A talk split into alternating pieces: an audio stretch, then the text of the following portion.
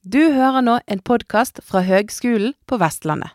Så var det tydelig det en kunne enda ikke stole på staten når det gjaldt eh, økonomi. Så da forsto bergenspolitikerne at de måtte ta saken i egne hender når det gjaldt bygginga av staten sine veier. Og det ble jo da først og fremst det her med, med Fløyfjellstunnelen, da, som ble den første store veiprosjektet som ble realisert etter en ny modell. Mm. Og da tok rett og slett Bergen kommune opp lån for å bygge staten sine veier. Det er jo helt vilt, egentlig. Ja. Hei og velkommen til podkastserien Byplaner i Bergen. En historisk podkast om utviklingen av Bergen by fra sin begynnelse og helt frem til i dag. For å ta oss med på denne reisen, så har jeg med meg ekspert på temaet, Hans Jakob Roald. Han er forfatter av boken Byplanen i Bergen og dosent emeritus i byplanlegging ved Fakultet for ingeniør- og naturvitenskap ved Høgskolen på Vestlandet. Halla igjen, Hans Jakob. Hallo, Janne Sofie. Takk for sist. Du, eh, Sist gang så snakket vi om, eh, om at det var trangt.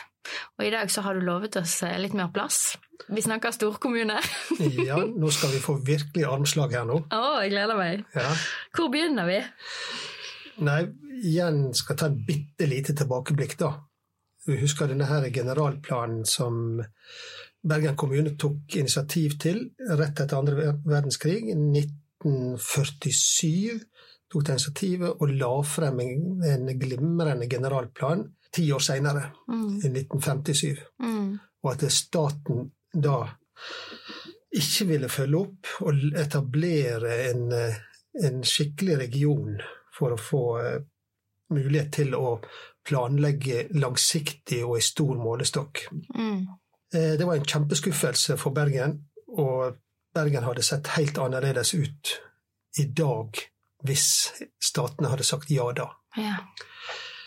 Men eh, staten kom da til sans og forsamling, og i 1964 så var det en komité som heter Skei-komiteen, mm -hmm. som var da en form for kommunerevisjonkomité. Okay. Så det var den tidens kommunesammenslåing. Ok, Så da begynte man å tenke tanken likevel? Det gjorde en. Og det en hadde, hadde som mål, da, for å holde oss til da Bergen og bergensregionen, det var at det skulle være samsvar, geografisk samsvar mellom bolig og transportmarked. Ah, det var jo en veldig fornuftig tanke. ja da, altså at du kan ikke på en måte drive en form for planlegging i en kommune og i en annen form for planlegging i, i nabokommuner. For folk, vanlige folk det, de passerer kommunegrenser akkurat sånn som de vil. Mm. Slik at skal du bygge ut et eh, sammenhengende transportmønster, f.eks., så må du ha et stort nok areal å, å planlegge for. Mm.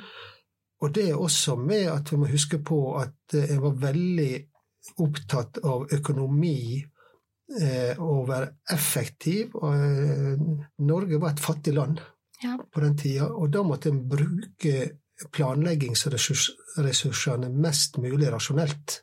Ja, Så dette var også en måte å gjøre det på? Ja, absolutt. Mm. Og igjen var Bergen på, på offensiven.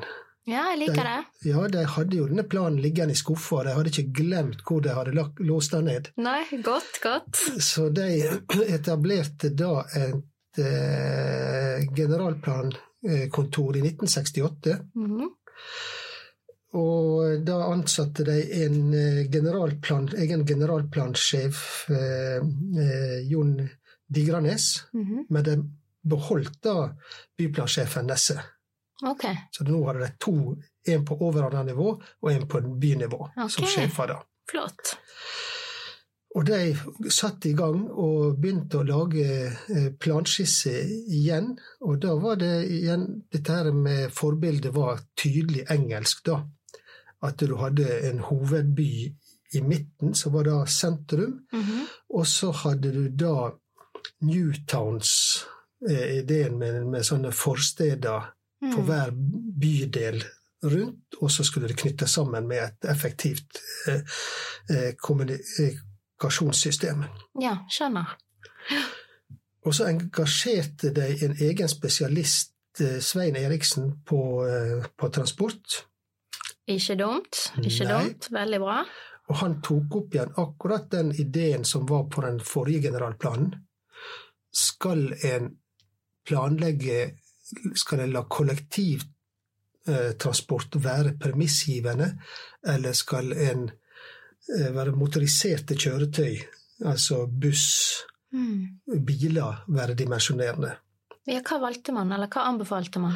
Han anbefalte, sa veldig tydelig fra at eh, han så for seg at eh, bilen, som da på en måte har vært frigitt er jo bare åtte år ja. Den inn, ble frigitt i 1960. Den var så attraktiv.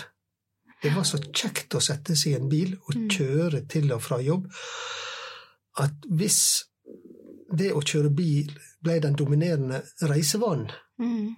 så ville folk tviholde på den. Det er jo veldig sant. Ja. Det vet vi jo. hvis, hvis, noen har kjørt til og fra jobb lenge, og så plutselig sier at nei, nå får ikke du lov til å kjøre lenger, nå skal du, eh, fra nå av skal du kjøre kollektivt, så vil du møte en helt naturlig motstand. Ja. Og da var det viktig å komme den motstanden i forkjøpet.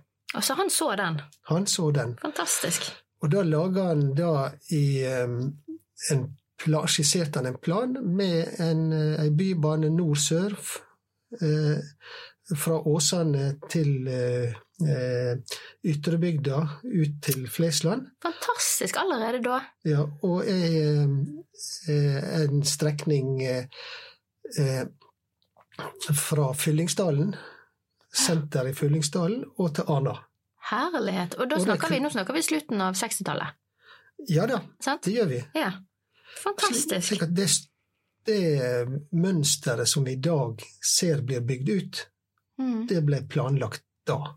Hovedstrukturen ble planlagt da. Men, Det som jeg også må si da når jeg sa dette her med mot sør, mot Flesland mm. Eh, da var Flesland flyplass under bygging. Ja, og det var jo langt ute. Det var langt utenfor sentrum. Ja, ja, ja. Og en hadde ikke veiforbindelse dit. Slik at det, region Bergen var på en måte allerede under bygging. Mm litt her og litt der. Mm. Og en planla også da dette her med å flytte Håkonsvern fra Horten til Bergen. Mm. Og den kom jo da i Laksevåg kommune. Ja. Slik at det var veldig viktig å få sett dette her under ett. da. Ja. Men denne anbefalingen om et barnesystem, altså, det har jo tatt sin tid. Han fikk vel ikke sånn fullt gehør med en gang, vil jeg tro?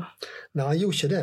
Men først må vi innom eh, selve etableringa av storkommuner, da. Ja, ja, fortell. Ja. ja. Det skjedde i 1972. Og det var det kun Stortinget som kunne gjøre. Okay. Altså Selv om Bergen kommune kunne invitere nabokommunene til å, å lage et generalkontor, så var det Stortinget som måtte slå sammen kommune. Ja.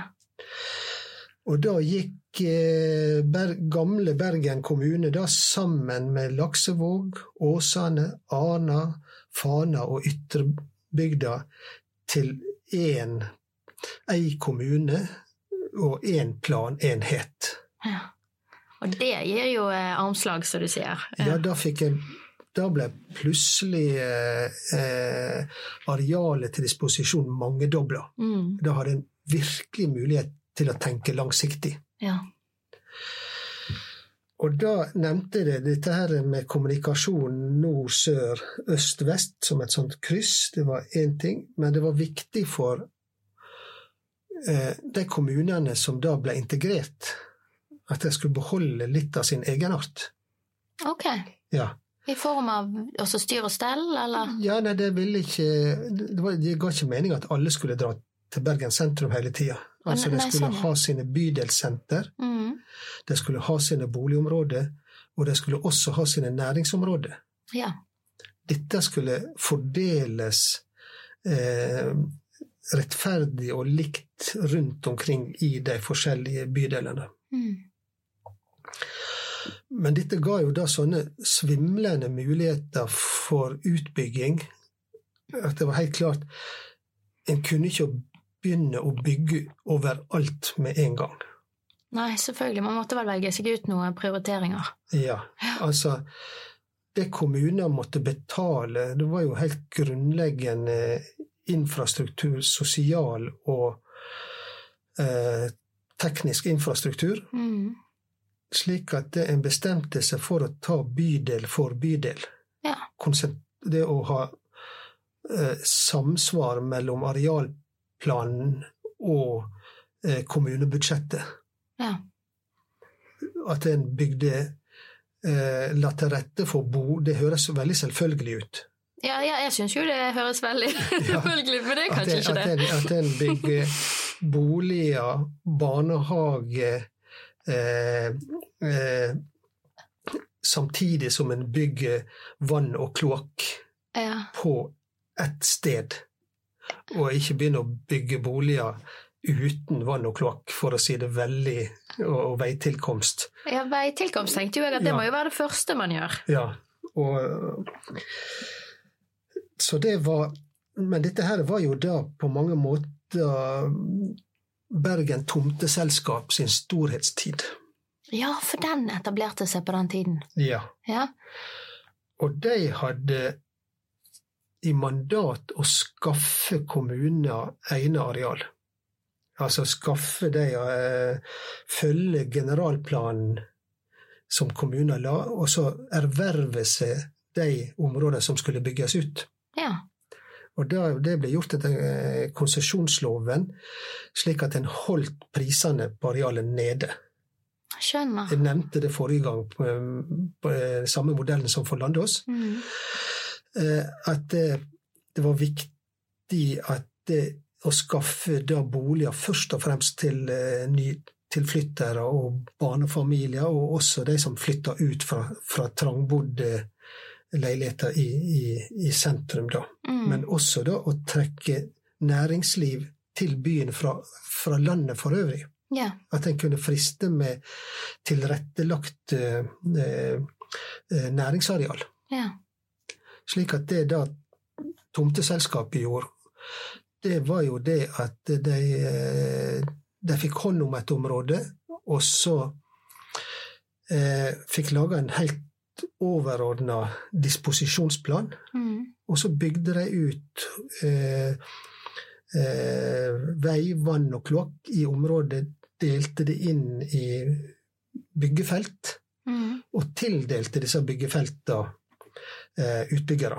For det meste boligbyggelag. Ja, så de la til rette for, på Ja, en måte. ja. Men, men jeg må bare spørre, for det er da eh, De kjøpte på konsesjon, sier du, men var det snakk om ekspropriasjon? Eh, veldig sjeldent. Ok, Så de fleste var salgsvillige, eller det var liksom ikke et problem? Altså, du hadde en karismatisk leder av Bergen Tomteselskap, da, Erik Larsen. Ok. Og eh, eh, han gikk alltid med sjekkhefte på innerlomma. Sånn just in case. just in case, og stilte seg av og til opp på et jorde som kunne bli ute, og hadde med seg litt sånn måleutstyr. Så, og da kom Dette har han sjøl fortalt. Ja, ok. At han, og da kom jo eh, ofte bondemannen ut da og lurte på hvem er dette, og hva vil han? Ja. Og så er han var en sjarmerende fyr som da lot seg invitere inn på kjøkkenet og kom i prat. og da gikk det ofte sånn at eh, eh, ja eh, Hva med et lite forskudd? Hva med en liten intensjonsavtale? ja. Og, eh, og han var jo også kjent for å ligge litt i forkant av arealplanene. Ja, skjønner. Altså, det, det skjedde jo at han hadde skaffa seg et areal før det var en del av den offisielle Planen. planen, ja. Ja. Fantastisk! Men han var, han var en eh, veldig fargerik eh, eh, person.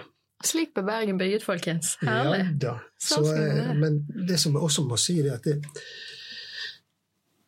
at grunn, en veldig viktig grunn til at det var mulig å etablere et sånt eh, et tomteselskap, det var et AS.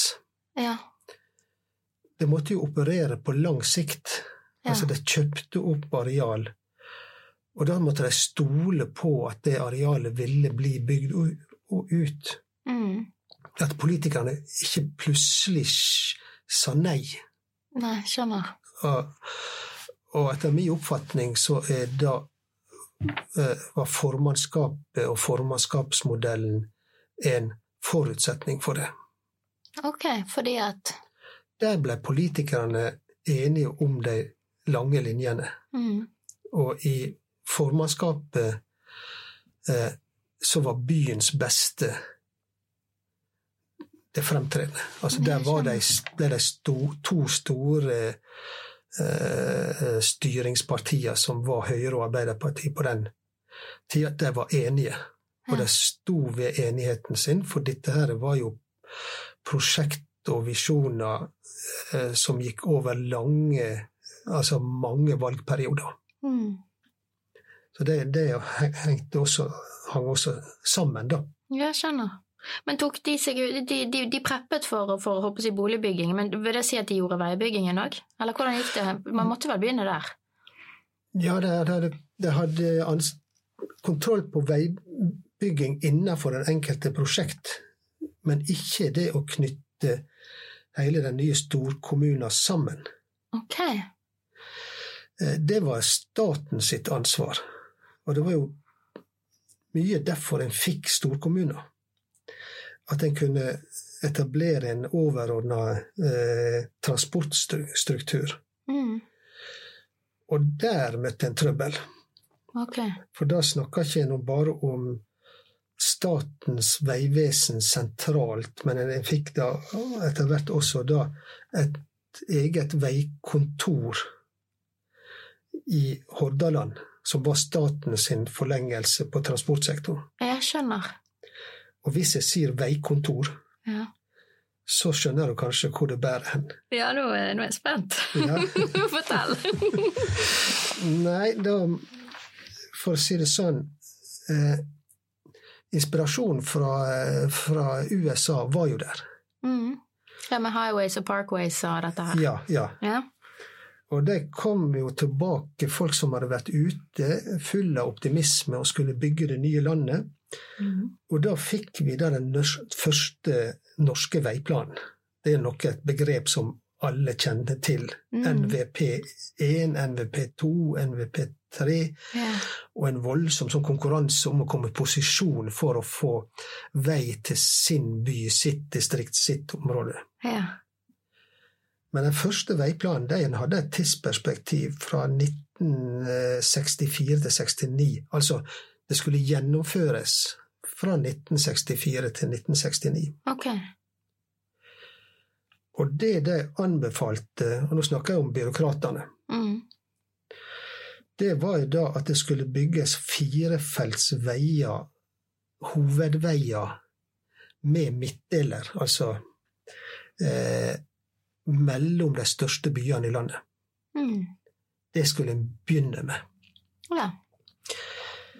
Og en hadde også da beregna at et sånt veisystem, det ville da betjene 50% av befolkninga.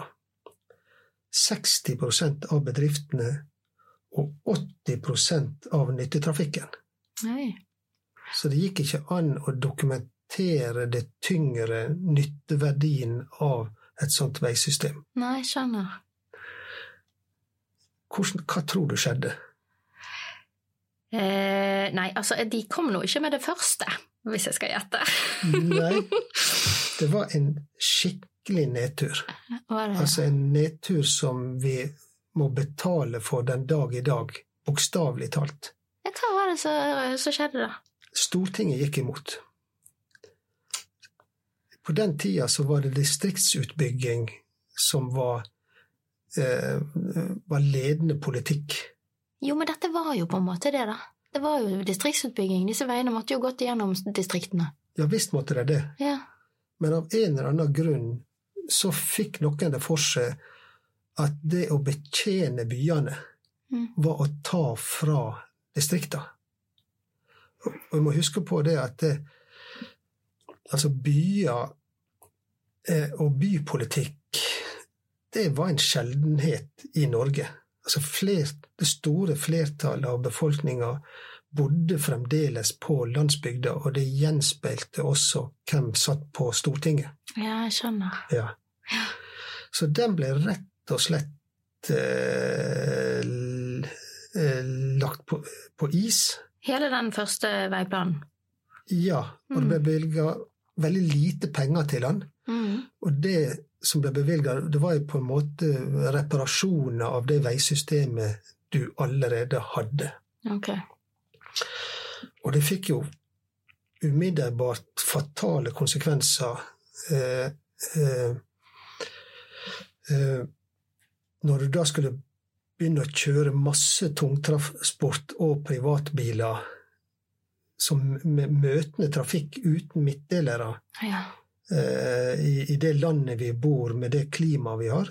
Så vi har masse trafikkulykker, masse død, mm. som følge av det vedtaket der. Ja. Og, vi, og vi, ser jo det nesten daglig dag, den dag i dag med reportasjer fra veistrekninger eh, eh, som på en måte det er stopp, og det er kork, mm. og det er uten fortau. Og det er helt uforståelig at en, eh, at en ikke satser på dette her.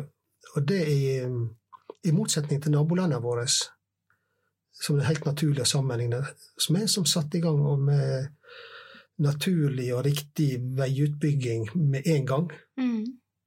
Og vi driver nå med veiutbygging på overtid med Ja. bompenger. Ja.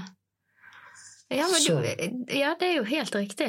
Men, men nå kan ikke du fortelle videre. For de må jo ha, de må ha lært liksom etter hvert at ok, det duger ikke med det vi har. Ja, det tok, den lærdommen tok veldig, veldig lang tid. Okay. For neste mulighet hadde en da Norsk veiplan 2 skulle realiseres. Ja. Da skulle en tro at en hadde på en måte endra syn, ja, lært litt av lært litt, ja. Og den heter Transport 78 fordi den skulle realiseres innen 1978. Ok. Og, men da hadde en fremdeles disse, hadde en da disse to holdningene som ikke var avklart. Skulle en starte med baneutbygging, Mm. et banesystem, kollektivsystem, eller skulle en starte med veiutbygging? Ja, for det var jo han her eh, transportsjefen vår, eller transportkonsulenten, han anbefalte jo banesystem. Ja. Ja. Og da fikk du to eh, Da fikk bystyret forelagt to strategier. Okay. Den ene var fra administrasjonen, som da hadde eh, laga ei utredning i regi av Bro- og tunnelselskapet, som viste helt konkret banesystem, holdeplasser, eh, annet en holdeplass inne i Fløyfjellet. Nei, Så det var, det var detaljtegna og utreda. Dette gikk administrasjonen inn for. ja. Men så hadde du da en, en, en annen innstilling. Og den bestod av da eh, fylkesordfører, eh, byens egen ordfører og veisjefen, altså veisjefen i Hordaland veikontor. ja, da aner det meg hva de foreslår. De foreslo at en skulle starte med vei, veibygging. Selvfølgelig. Ja. Ja. Og disse sto da opp mot hverandre. Ok. Eh, og, slik at det, og det ble ikke noe vedtak. Altså Bystyret visste ikke hva de skulle eh, holde seg til. Nei. Eh, så, men det foreløpig så da mm, så kom det opp igjen i den samme saken. Eh, Rådmannen han da anmoda disse her partene om å bli enige. Så saken kom opp to år senere, 1975. Ok. Og det ble et dramatisk møte i bystyret. Og rådmannen han var rasende, Ah. fordi at det, da hadde denne her saken her versert i pressen i, i, i, i to år. Ja. Og de respektive eh, front, eh, forkjemperne for to eh, eh, eh, syna virka som var mer interessert i å snakke mot hverandre i pressen enn å sette seg ned rundt bordet og bli enige. Okay. Ja. Fremdeles var det to alternativ. Ja. Eh, og da eh, i, I mellomtida så hadde da Oslo og Trondheim bygd ut et banenett. Altså, de hadde tatt valget? De hadde tatt valget. Ja. Ja. Eh, I Bergen hadde ikke tatt valg. Nei. Og da sa eh, eh, Det ble et dramatisk møte eh, hvor det at rådmannen sa nå må dere bli enige. Og SV, som var da blitt et nytt politisk parti, når de så hvor, hvor det ville bære hen, at det gikk mot vei mm. istedenfor bane, så forlot de møtet i protest. Oi. Ja. Og det hadde egentlig ikke anledning til etter kommuneloven. Nei. Og da eh, gjorde en da et vedtak om å satse på veiutbygging mm. med hovedargument at det skulle eh, Hvis en ikke gjorde vedtak ble gjennom noe, så ville ikke en formidle. Okay, altså staten, staten. staten, satt bare og venta på at Bergen skulle bestemme seg. Ja. Og hvis Bergen ikke bestemte seg for noen ting, så gikk midlene til andre byer. Ja. Eller andre uh, veiprosjekt. Skjønner. Men det gjorde også et vedtak om uh, å ta spesielt hensyn til sentrum. Ok. Å lage en egen trafikkplan for sentrum. Ja, ok. Det var jo bra, da. Ja. Og derfor så lager en de skiss, det som vi kjenner i dag, planer for en Fløyfjellstunnel. Mm. Uh, at det en sentrum ikke lenger skulle være et gjennomfartssted, ja. men du skulle lage et hovedveisystem som, gjorde, som hadde to øh, hovedhensikter. ene var å avlaste sentrum, mm. men, og, men, samtidig gjøre det lettere å komme til sentrum ja, ja. fra bydelene. Så okay. sentrum ble prioritert med hensyn til eh, eh, tilgjengelighet. Slik at ja. hovedgrepet som vi i dag kjenner med det store spagettikrysset på Nygårdstangen mm. og den store bygarasjen og parkeringsanlegget, mm. det ble bestemt som følge av dette. Det ble lagt der, ja. ja. Okay. Riktig beslutning for den tida. Ok. Tenk om man hadde valgt bane istedenfor, da. Bergen ja. hadde jo sett helt annerledes ut. Det hadde det. Ja. Ok, men da var, da var, valget gjort. Og så gikk man bare i gang, eller hva skjedde? Ja, hadde det vært så vel. Oh, ja. det viste seg at eh, selv om en spilte inn forslag til veier, da, og fulgte innstillinga fra veisjefen, så hadde ikke staten penger til byene. Og så hele den der forutsetningen, eller tanken om at man skulle formidle, den eh, var bare Ja, den, den viste seg ikke å stemme. Åh, ok. Og da måtte vi hoppe helt frem til neste veiplan. Nasjonal veiplan nummer tre. Ja. Skal lure på hvor, hvor skal det ende? Ja, Og hva er poenget med å lage planer hvis du ikke har penger til å realisere? Ja, men da var en kommet så langt at det, Åsane var jo da kommet langt i utbygging. Ja, for det var det området vi valgte først? Først, ja. Okay, ja. Da hadde du Sto jo trafikken i Helleveien, eksempel. Mm. Enorm kø frem og tilbake eh, morgen og, og, og kveld. Mm. Noe måtte gjøres. Ja. Eh, men igjen greide ikke disse partene, selv om det var bestemt at det skulle være en veitrasé, så greide ikke partene å, å bli enige. Så når rådmannen da på nytt innkalte til et møte i kommunestyret, så hadde han gitt opp på den måten med å komme med en anbefaling. Så han la frem elleve alternativ. Ja, Nå snakker vi om kun traseen til Åsane fra byen. ja. Og da var det elleve forskjellige alternativ? Yes. Å, hele dyssen. Og da sa rådmannen nå har vi bare én sak på kartet i dag. Bli enige om en trasé. Ja. Og det ble en himla diskusjon. ja, det vil jeg tro. Og det som gjorde det kinkig, det er at eh, den billigste alternativet, det eh, var det som staten gikk, ut, gikk inn for. Å ja. Altså, og det hadde med lengden på Fløyfjellstunnelen å gjøre. Hvor skal den komme ut? Ja, jeg skjønner. For det, i dag kommer han ut et stykke ut i Sandviken, ikke sant? Stemmer. Ja. Og så sa staten det at eh, ok, vil dere ha ei dyrere løsning, så får kommuner betale den sjøl. Ah, Ganske eh, rått parti. absolutt. Så det måtte eh, bystyret ta stilling til, og da valgte bystyret til slutt en, en, en lengre tunnel. Å ja. Så de tok den? Ja. Mm. Og så eh, Men samtidig så var det tydelig det en kunne enda ikke stole på staten når det gjaldt eh, økonomi. Så da forsto bergenspolitikerne at de, de måtte ta saken i egne hender når det gjaldt bygginga av staten sine veier. Mm.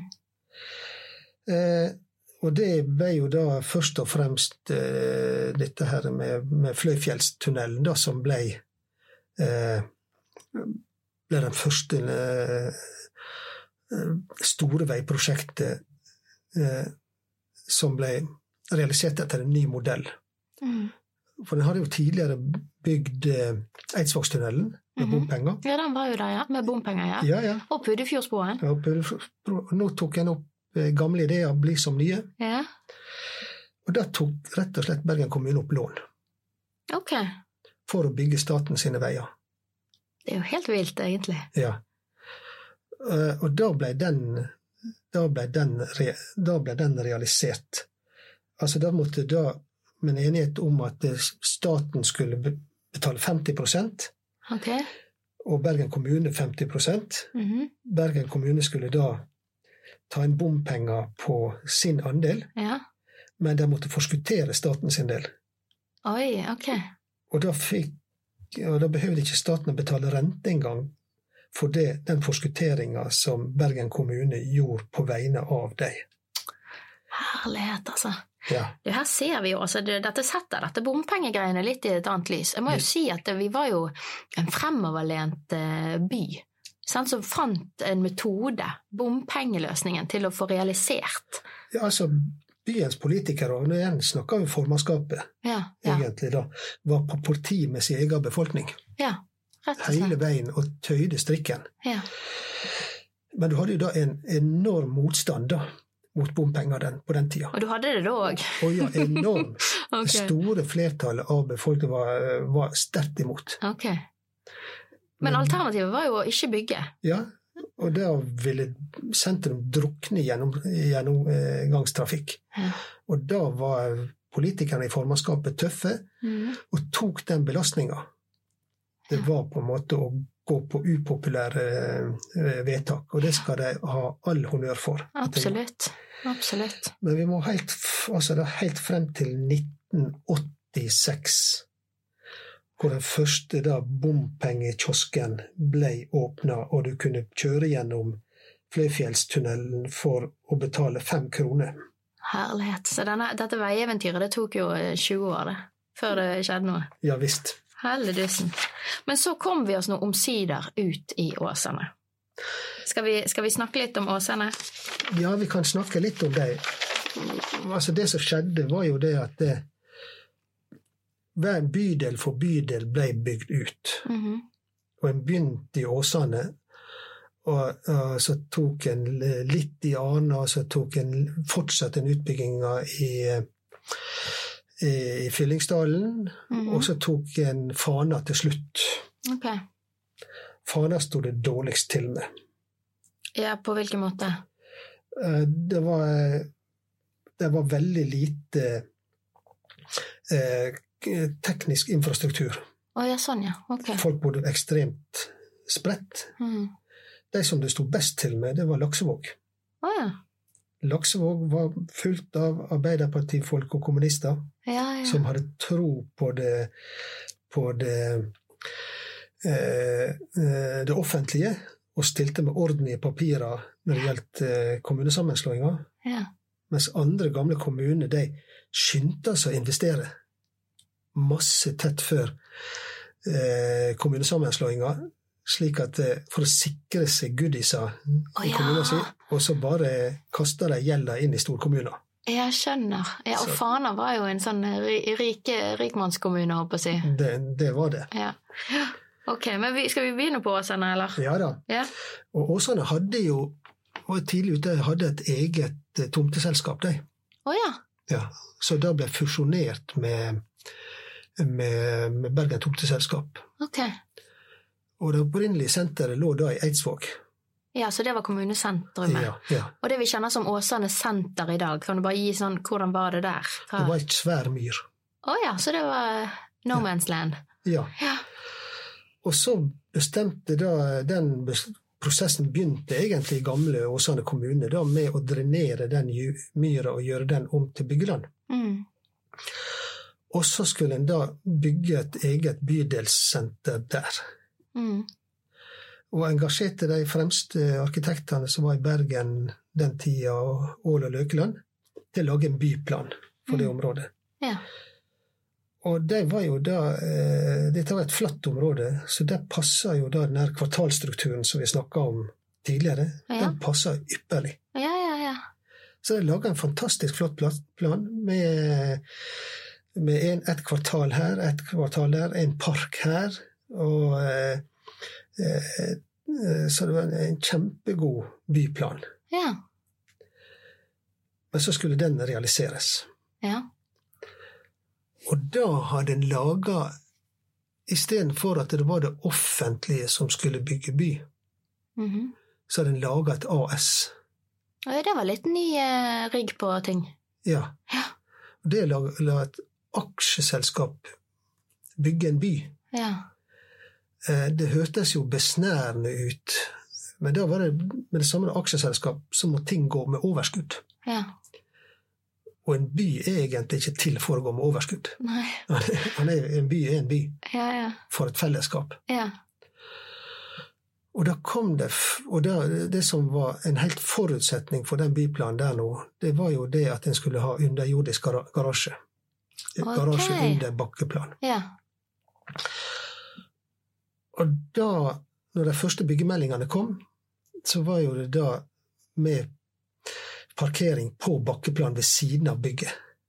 Og så søkte vi dag dispensasjon fra den gjeldende vedtatte reguleringsplanen. Oh, ja. Og så fikk de det. Å nei. Og det var det har det er det som har skjedd der ute. For jeg tenker jo på en måte bilens bydel når Ja, jeg det er tenker det. Åsane. Ja. Og, det var skjebne skjebna til eh, Åsane senter. Ja. Hadde du gitt disp til én, så måtte du gi det til alle. Så gjelder det for alle fremover. Ja. Og jeg er overbevist Og det at det, Bergenspolitikerne kan si mye om det, men eh, det hele tida så er de i all hovedsak fokusert på sentrum. ja. Det er det ja det, det det, det går i. Slik at Åsane og utviklinga av Åsane fikk veldig liten oppmerksomhet både politisk og administrativt. Det er jo. I dag er det jo en av Norges største byer, mm. og det burde egentlig hatt en egen byplansjef. Ja. Og en annen ting som også skjedde eh, med Åsane, du sier bilbyen, eh, Mm. det var jo det at varetransporten ble helt annerledes da. Tidligere så kom varetransporten inn i Vågen med båter. Mm. Så ble det heist opp eh, i disse pakkhusa Mm. eh, langs Vågen, lagra der, og så da frakta videre med andre båter eller med bil. Ja. Men nå var jo det blitt dette her med lastebiler, eh, som kom til og fra havner, og, og eh, Eller at du måtte ha en plass å lagre varene. Mm. Og så har du fått en ny oppfinnelse som heter gaffeltrøkk. ja Gaffeltrøkken. Ja, Og den kan ikke kjøre i mange etasjer. Nei, selvfølgelig. Den må ha store eh, lagerareal på ett plan. Ja. Slik at det ble behov for en helt annen type lagerbygg. Mm. Eh, så da slutta Bergen sentrum å være et varelager. Definitivt. Ja. Ja. Og så ble det flytta til Åsane, for der var det tilgjengelige eh, tomter. Ja. Så da fikk du en rekke sånne varelager, store varelager på et, ved siden av hverandre. ja. Som da fordrer tilsvarende jeg håper si, bilveier og parkering og så videre. Ja. Så hadde en annen bydel vært første bydelen ut i den nyeste kommunen, Ja. så ville de store vare, varelagrene havna der. Ja, det kan jo godt være, ja. Det havna, men de havna i Åsane, da. ja. Men Åsane var jo optimalt med tanke på at det er ganske flatt òg. Ja da. Ja.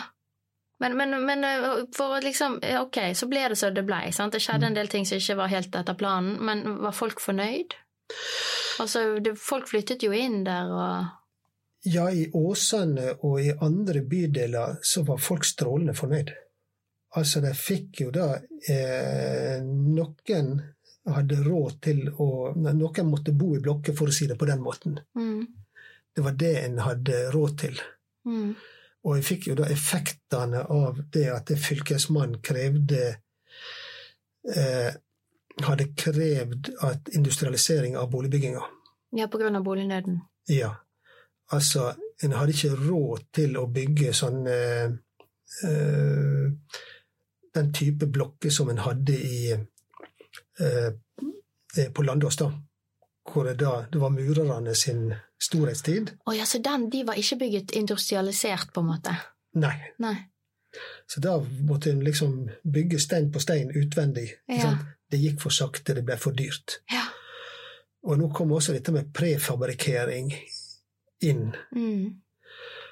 Og da ble eh, fylkesmannen Han påla kommuner å eh, rasjonalisere byggeindustrien.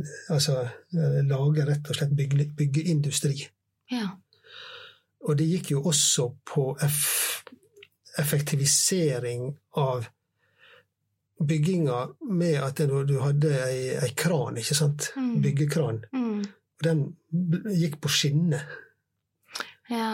Slik at det, hvor en da skulle legge denne skinnene gjennom et byggeområde, ble de styrende for hva måte området ble utforma på. Og, og, hele arkitekturen og alt. Ja, altså på, på Landås så kunne en legge hus litt sånn eh, enklere etter terreng og solforhold og sånne ting. Ja. Men nå kom dette her med denne her eh, kranbana, som det heter, Ja. som et styrende element. Ja.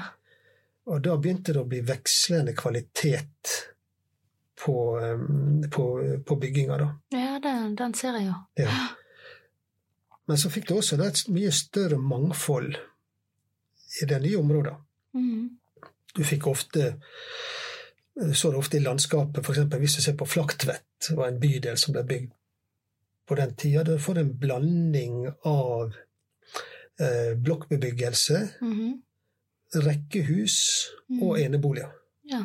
Det er jo egentlig positivt, med Ja, litt variasjon. ja da, visst var det positivt, Ja. sånn sett. da. Ja.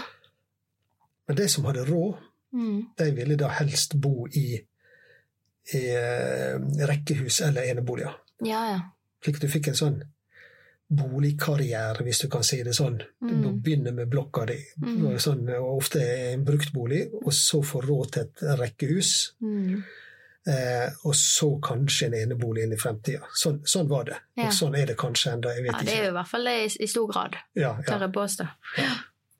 Men det ble jo fantastisk eh, ofte gode miljø da med denne her innflytter Pioner innflyttergenerasjon som kom til f.eks. et nytt rekkehusområde med eh, ma mange unger som kunne bli venner og leke sammen, og foreldre ble Mm. hadde samme positive innstilling til, eh, til området sitt. da. Ja, ja. Det er jo fint, da. Men det var jo sikkert noe sånne her, eh, hva kaller man det, barnesykdommer òg i nye miljøer. Ja, Det som ofte noen ganger skjedde, var jo det at eh, den sosiale infrastrukturen kom for seint. Ok, og i sosial infrastruktur så legger vi Barnehageskoler. Ok. Folk flytta inn. Ja. Hvor er, og spurte hvor er skolen? Ja. Hvor er barnehagen? Den var ikke der. Ops. Og så ble det foreldreopprør. Ja. Den må bygges. Jo, tomta er der, Okay. men det tar tid. Ja. Så det, og da fikk du en sånn kritisk fase. Uh, og rotløs ungdom er noe som heter. ja. altså det, eksempel på, på Flakktvet da, så fikk du et sånt begrep som het eh, Flakktvettgjengen, som dreiv, dreiv litt sånn eh, eh, småpøbler, småramp, ikke sant? ja. Dette er et fenomen i alle nye byggområder, sånn. Og så gjør pressen det ofte mye verre enn det er, da, kan okay. du se. da. Men det handler bare, altså, da handlet det om at, eh, at det var ikke et ordentlig tilbud for, eh, for ungdom, barn og ungdom i de nyetablerte områdene. Nei. Så de må jo ha fått en skolegang på noe vis. Ja, Men ja, ja, ja, det er det. Altså, I det store og det hele så var, det, det var denne her utbygginga, sett fra beboerne sin side, en suksess. Ok, ja, det er jo viktig. Flott. Eh, var alle en suksess? Nei, ikke alle. Nei. Eh, et unntak da må vi ut til Loddefjord, eh, eh, Vardmyra. Ok. Den ble planlagt ikke i Bergen kommune, men ble planlagt i eh, Laksevåg kommune. Altså at Laksevåg kommune planla den? Ja, den ble gjort ja. av de Ja, før sammenslåingen? før sammenslåinga. Og det hadde med at eh, det var en stor diskusjon om Stor diskusjon om eh, eh, denne her Håkon Sven skulle flyttes fra Horten Ja, til. Bergen eller ikke. Okay. Og da hadde Horten sine eh, representanter på Stortinget, Mm. som fulgte nøye med planlegginga i Bergen. Og de ville jo spørre ha, de spurte jo da, eller Laksevåg da, spurte jo da betimelig eh, eh, vil det bli nok boliger, og når vil de boligene bli ferdige, hvis vi skal flytte den basen. Ja. Og da måtte Laksevåg kommune rigge til et boligprosjekt med veldig, veldig raskt. ja, for de ønsket Håkonsvern til De seg. ønska Håkonsvern. Ja. Okay. Og da kom det en type eh, blokkbebyggelse som i størrelse og plassering en ser i ettertid eh, var uheldig. Ok. Ja. Pluss at eh, andelen, kan du si, sosialklientell, da, for å si det sånn, i deg, de var mye større enn andre plasser. Ja, ok. Slik at du, du fikk i grunnen et, et eh, litt sånn tvilsomt bomiljø fra dag én. Jeg skjønner. Han kom ut med litt eh, på feil fot, rett og slett. Ja. Og det var ei utfordring som Bergen kommune arva, Mm. eh, men som Bergen kommune har tatt ansvar for Mm. og, og, og ordna opp i. Ja. Men det er et eksempel på at når planleggingen går for raskt, egentlig, da, Ja, ja. kan man si. Ja. Ja. Ok, men skal vi bevege oss eh, sørover, eller? Hva tenker du? ja vi kan i grunnen på gjelder bygging av storby, av denne storkommunen, så kan vi i grunnen eh, eh, stanse her på den måten, og det vil komme tilbake til seinere, at det ble jo stilt spørsmålstegn ved altså, Husbankens rolle, da. Altså, alle disse her boligområdene vi snakker om her nå, var jo da hovedsaken var husbankfinansiert. Mm. Og jeg nevnte det, vi har begynt å bygge rekkehusområder og til og med eneboliger. Ja. Og da begynte noen å spørre seg er det meninga i at eh, Husbanken skal drive og subsidiere rekkehus og eneboliger. ja. Er egentlig bolignøden bo forbi? Oi, man begynte å havne der, ja. Ja. Ikke verst. Nei. Og det er et sånt som vi skal komme til, som vi kaller øh, det nyliberale skiftet, som vi skal komme tilbake til i neste episode. Mm. Men det kom på en måte til et sånt metningspunkt at, eh, som hang, hang sammen med, med velferdsøkninga. Mm. Og at det kanskje folk hadde egentlig snart råd til å betale sine egne hus uten statsfinansiering. Ja. Så vi kan i grunnen Men før vi stanser med denne her storkommunen, så er det én ting jeg har lyst til å, å, å, å fortelle om som jeg syns er litt interessant. da. ja. At en av hovedgrunnene til at en skulle etablere en storkommune ved siden av veibygginga, som vi hørte en miserable historie til den, Ja. så var jo det å sikre befolkningsvekst.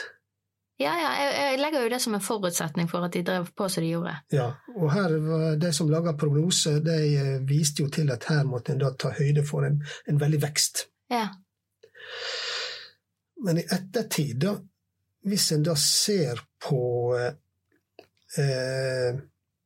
hvor mange folk bodde i Bergen i 1970, Ja. altså omtrent da storkommuner ble etablert, Ja. og nå snakker jeg jo det arealet som ble storkommuner, ja.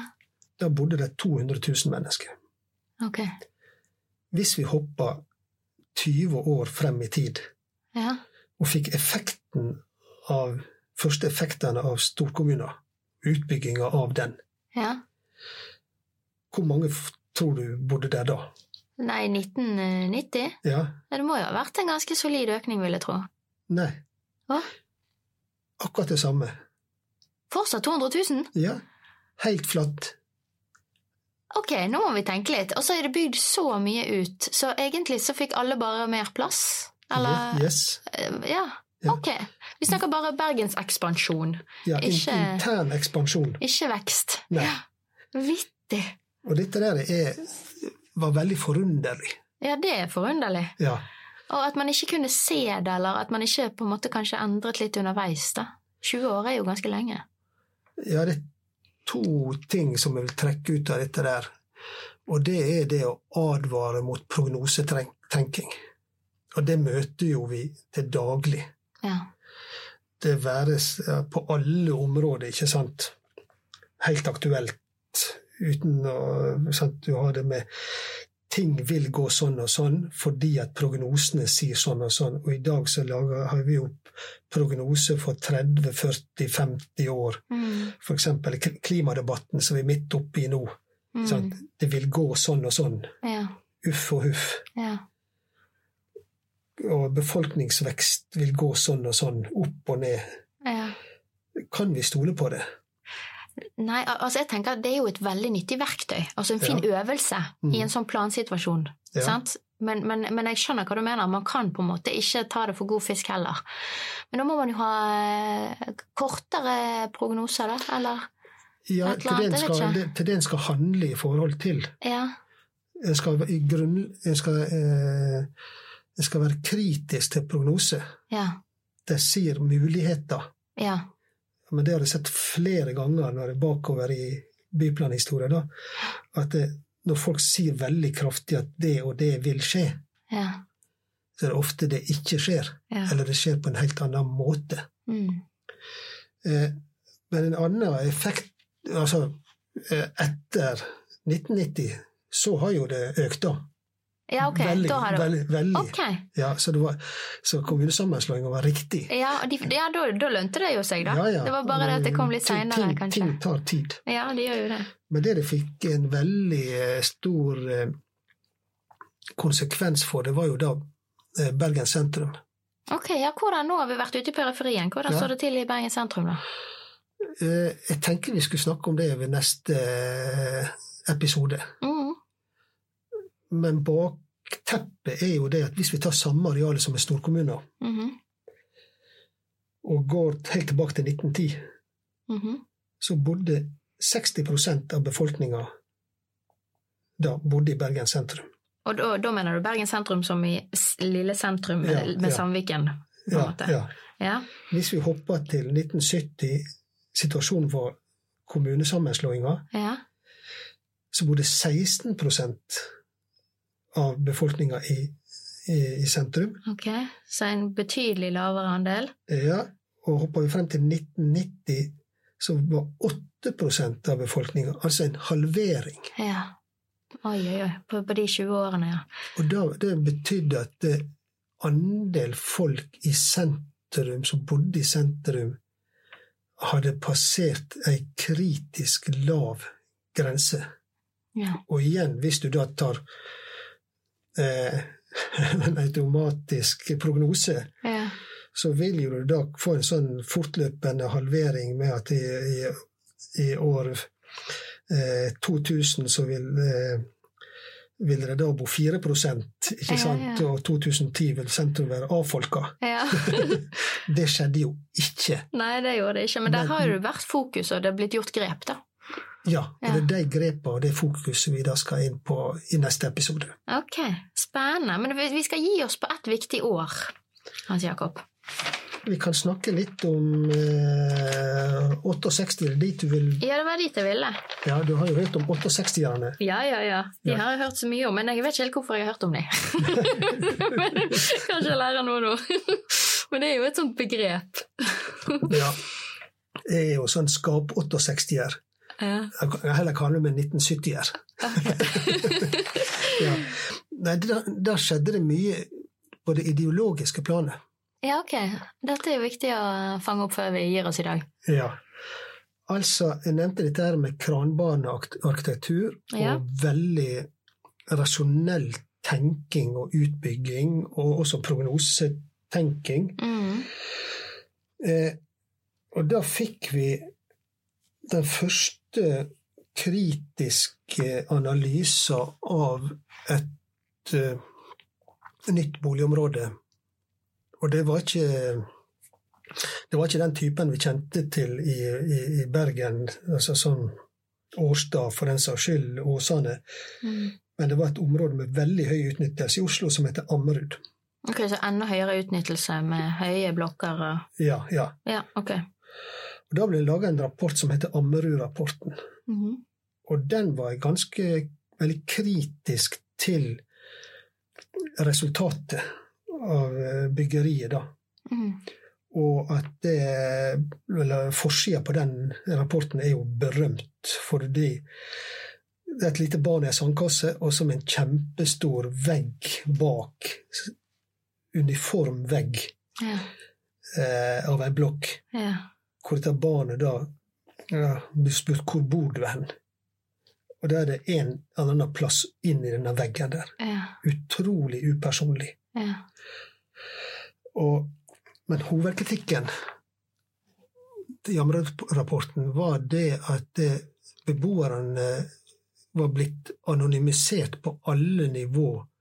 De sto i ei kø i et boligbyggelag, Mm. trakk, fikk et nummer, Mm. Og så flytter de inn eh, dit de, den bolig, boligen de fikk, ble tildelt. ja. Ingenting de skulle ha sagt. Ingen, ingen medvirkning. Nei. eh, overhodet. Og det på en måte kritiserte en veldig sterkt. da. Ja.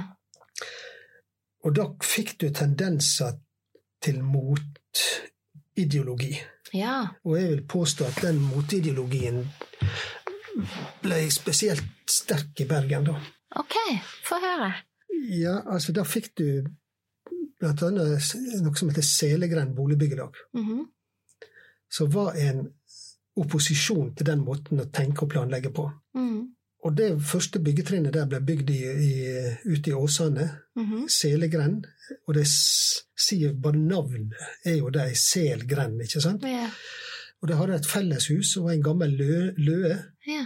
Og så hadde de veldig stor, pros, lang prosess om medvirkning på hva måte disse husene skulle organiseres på, utformes, pluss at en viss andel av beboerne skulle være folk som på en eller annen måte falt utafor i køa.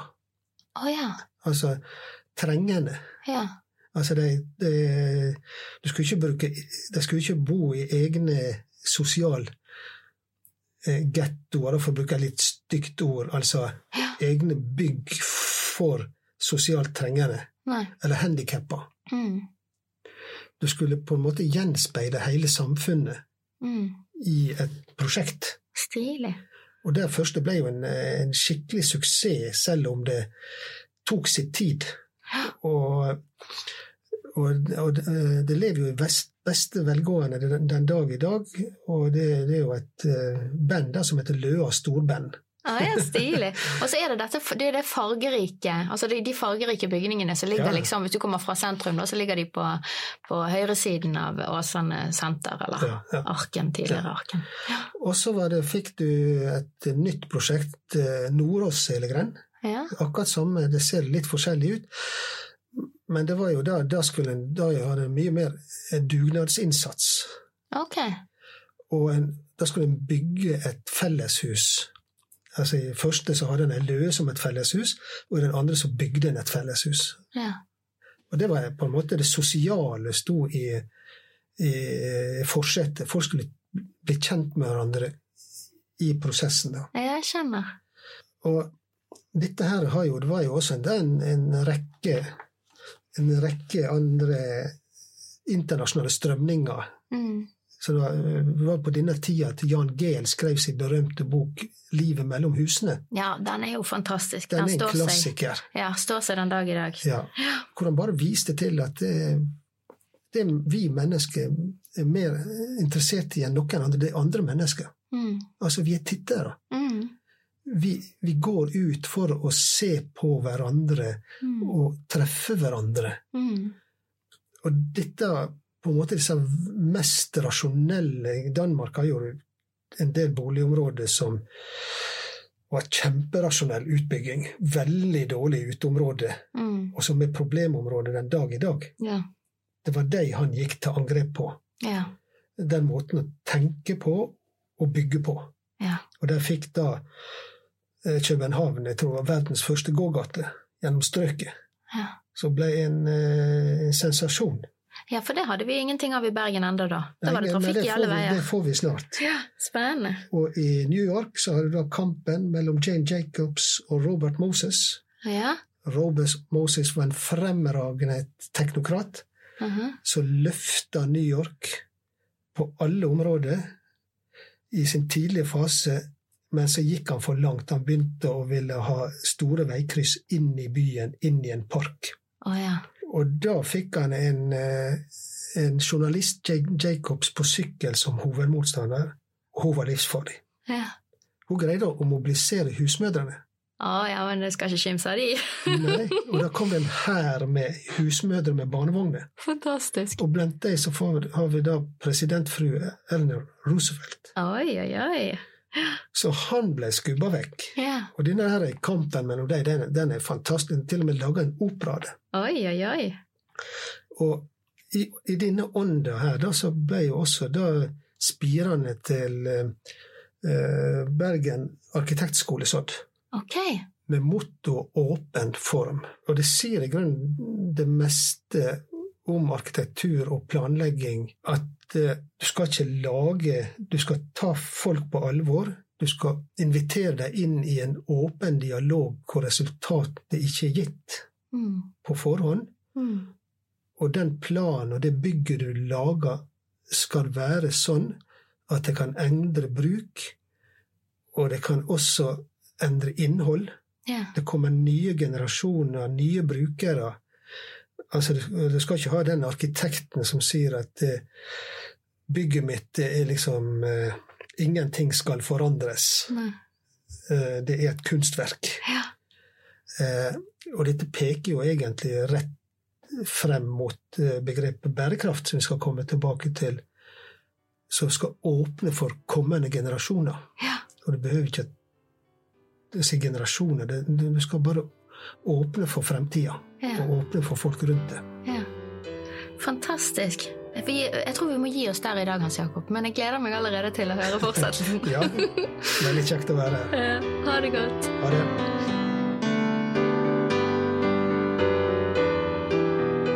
Du har nå hørt en podkast fra Høgskolen på Vestlandet. Du kan høre flere podkaster fra oss ved å gå inn på nettsiden hvl.no. slash podkast.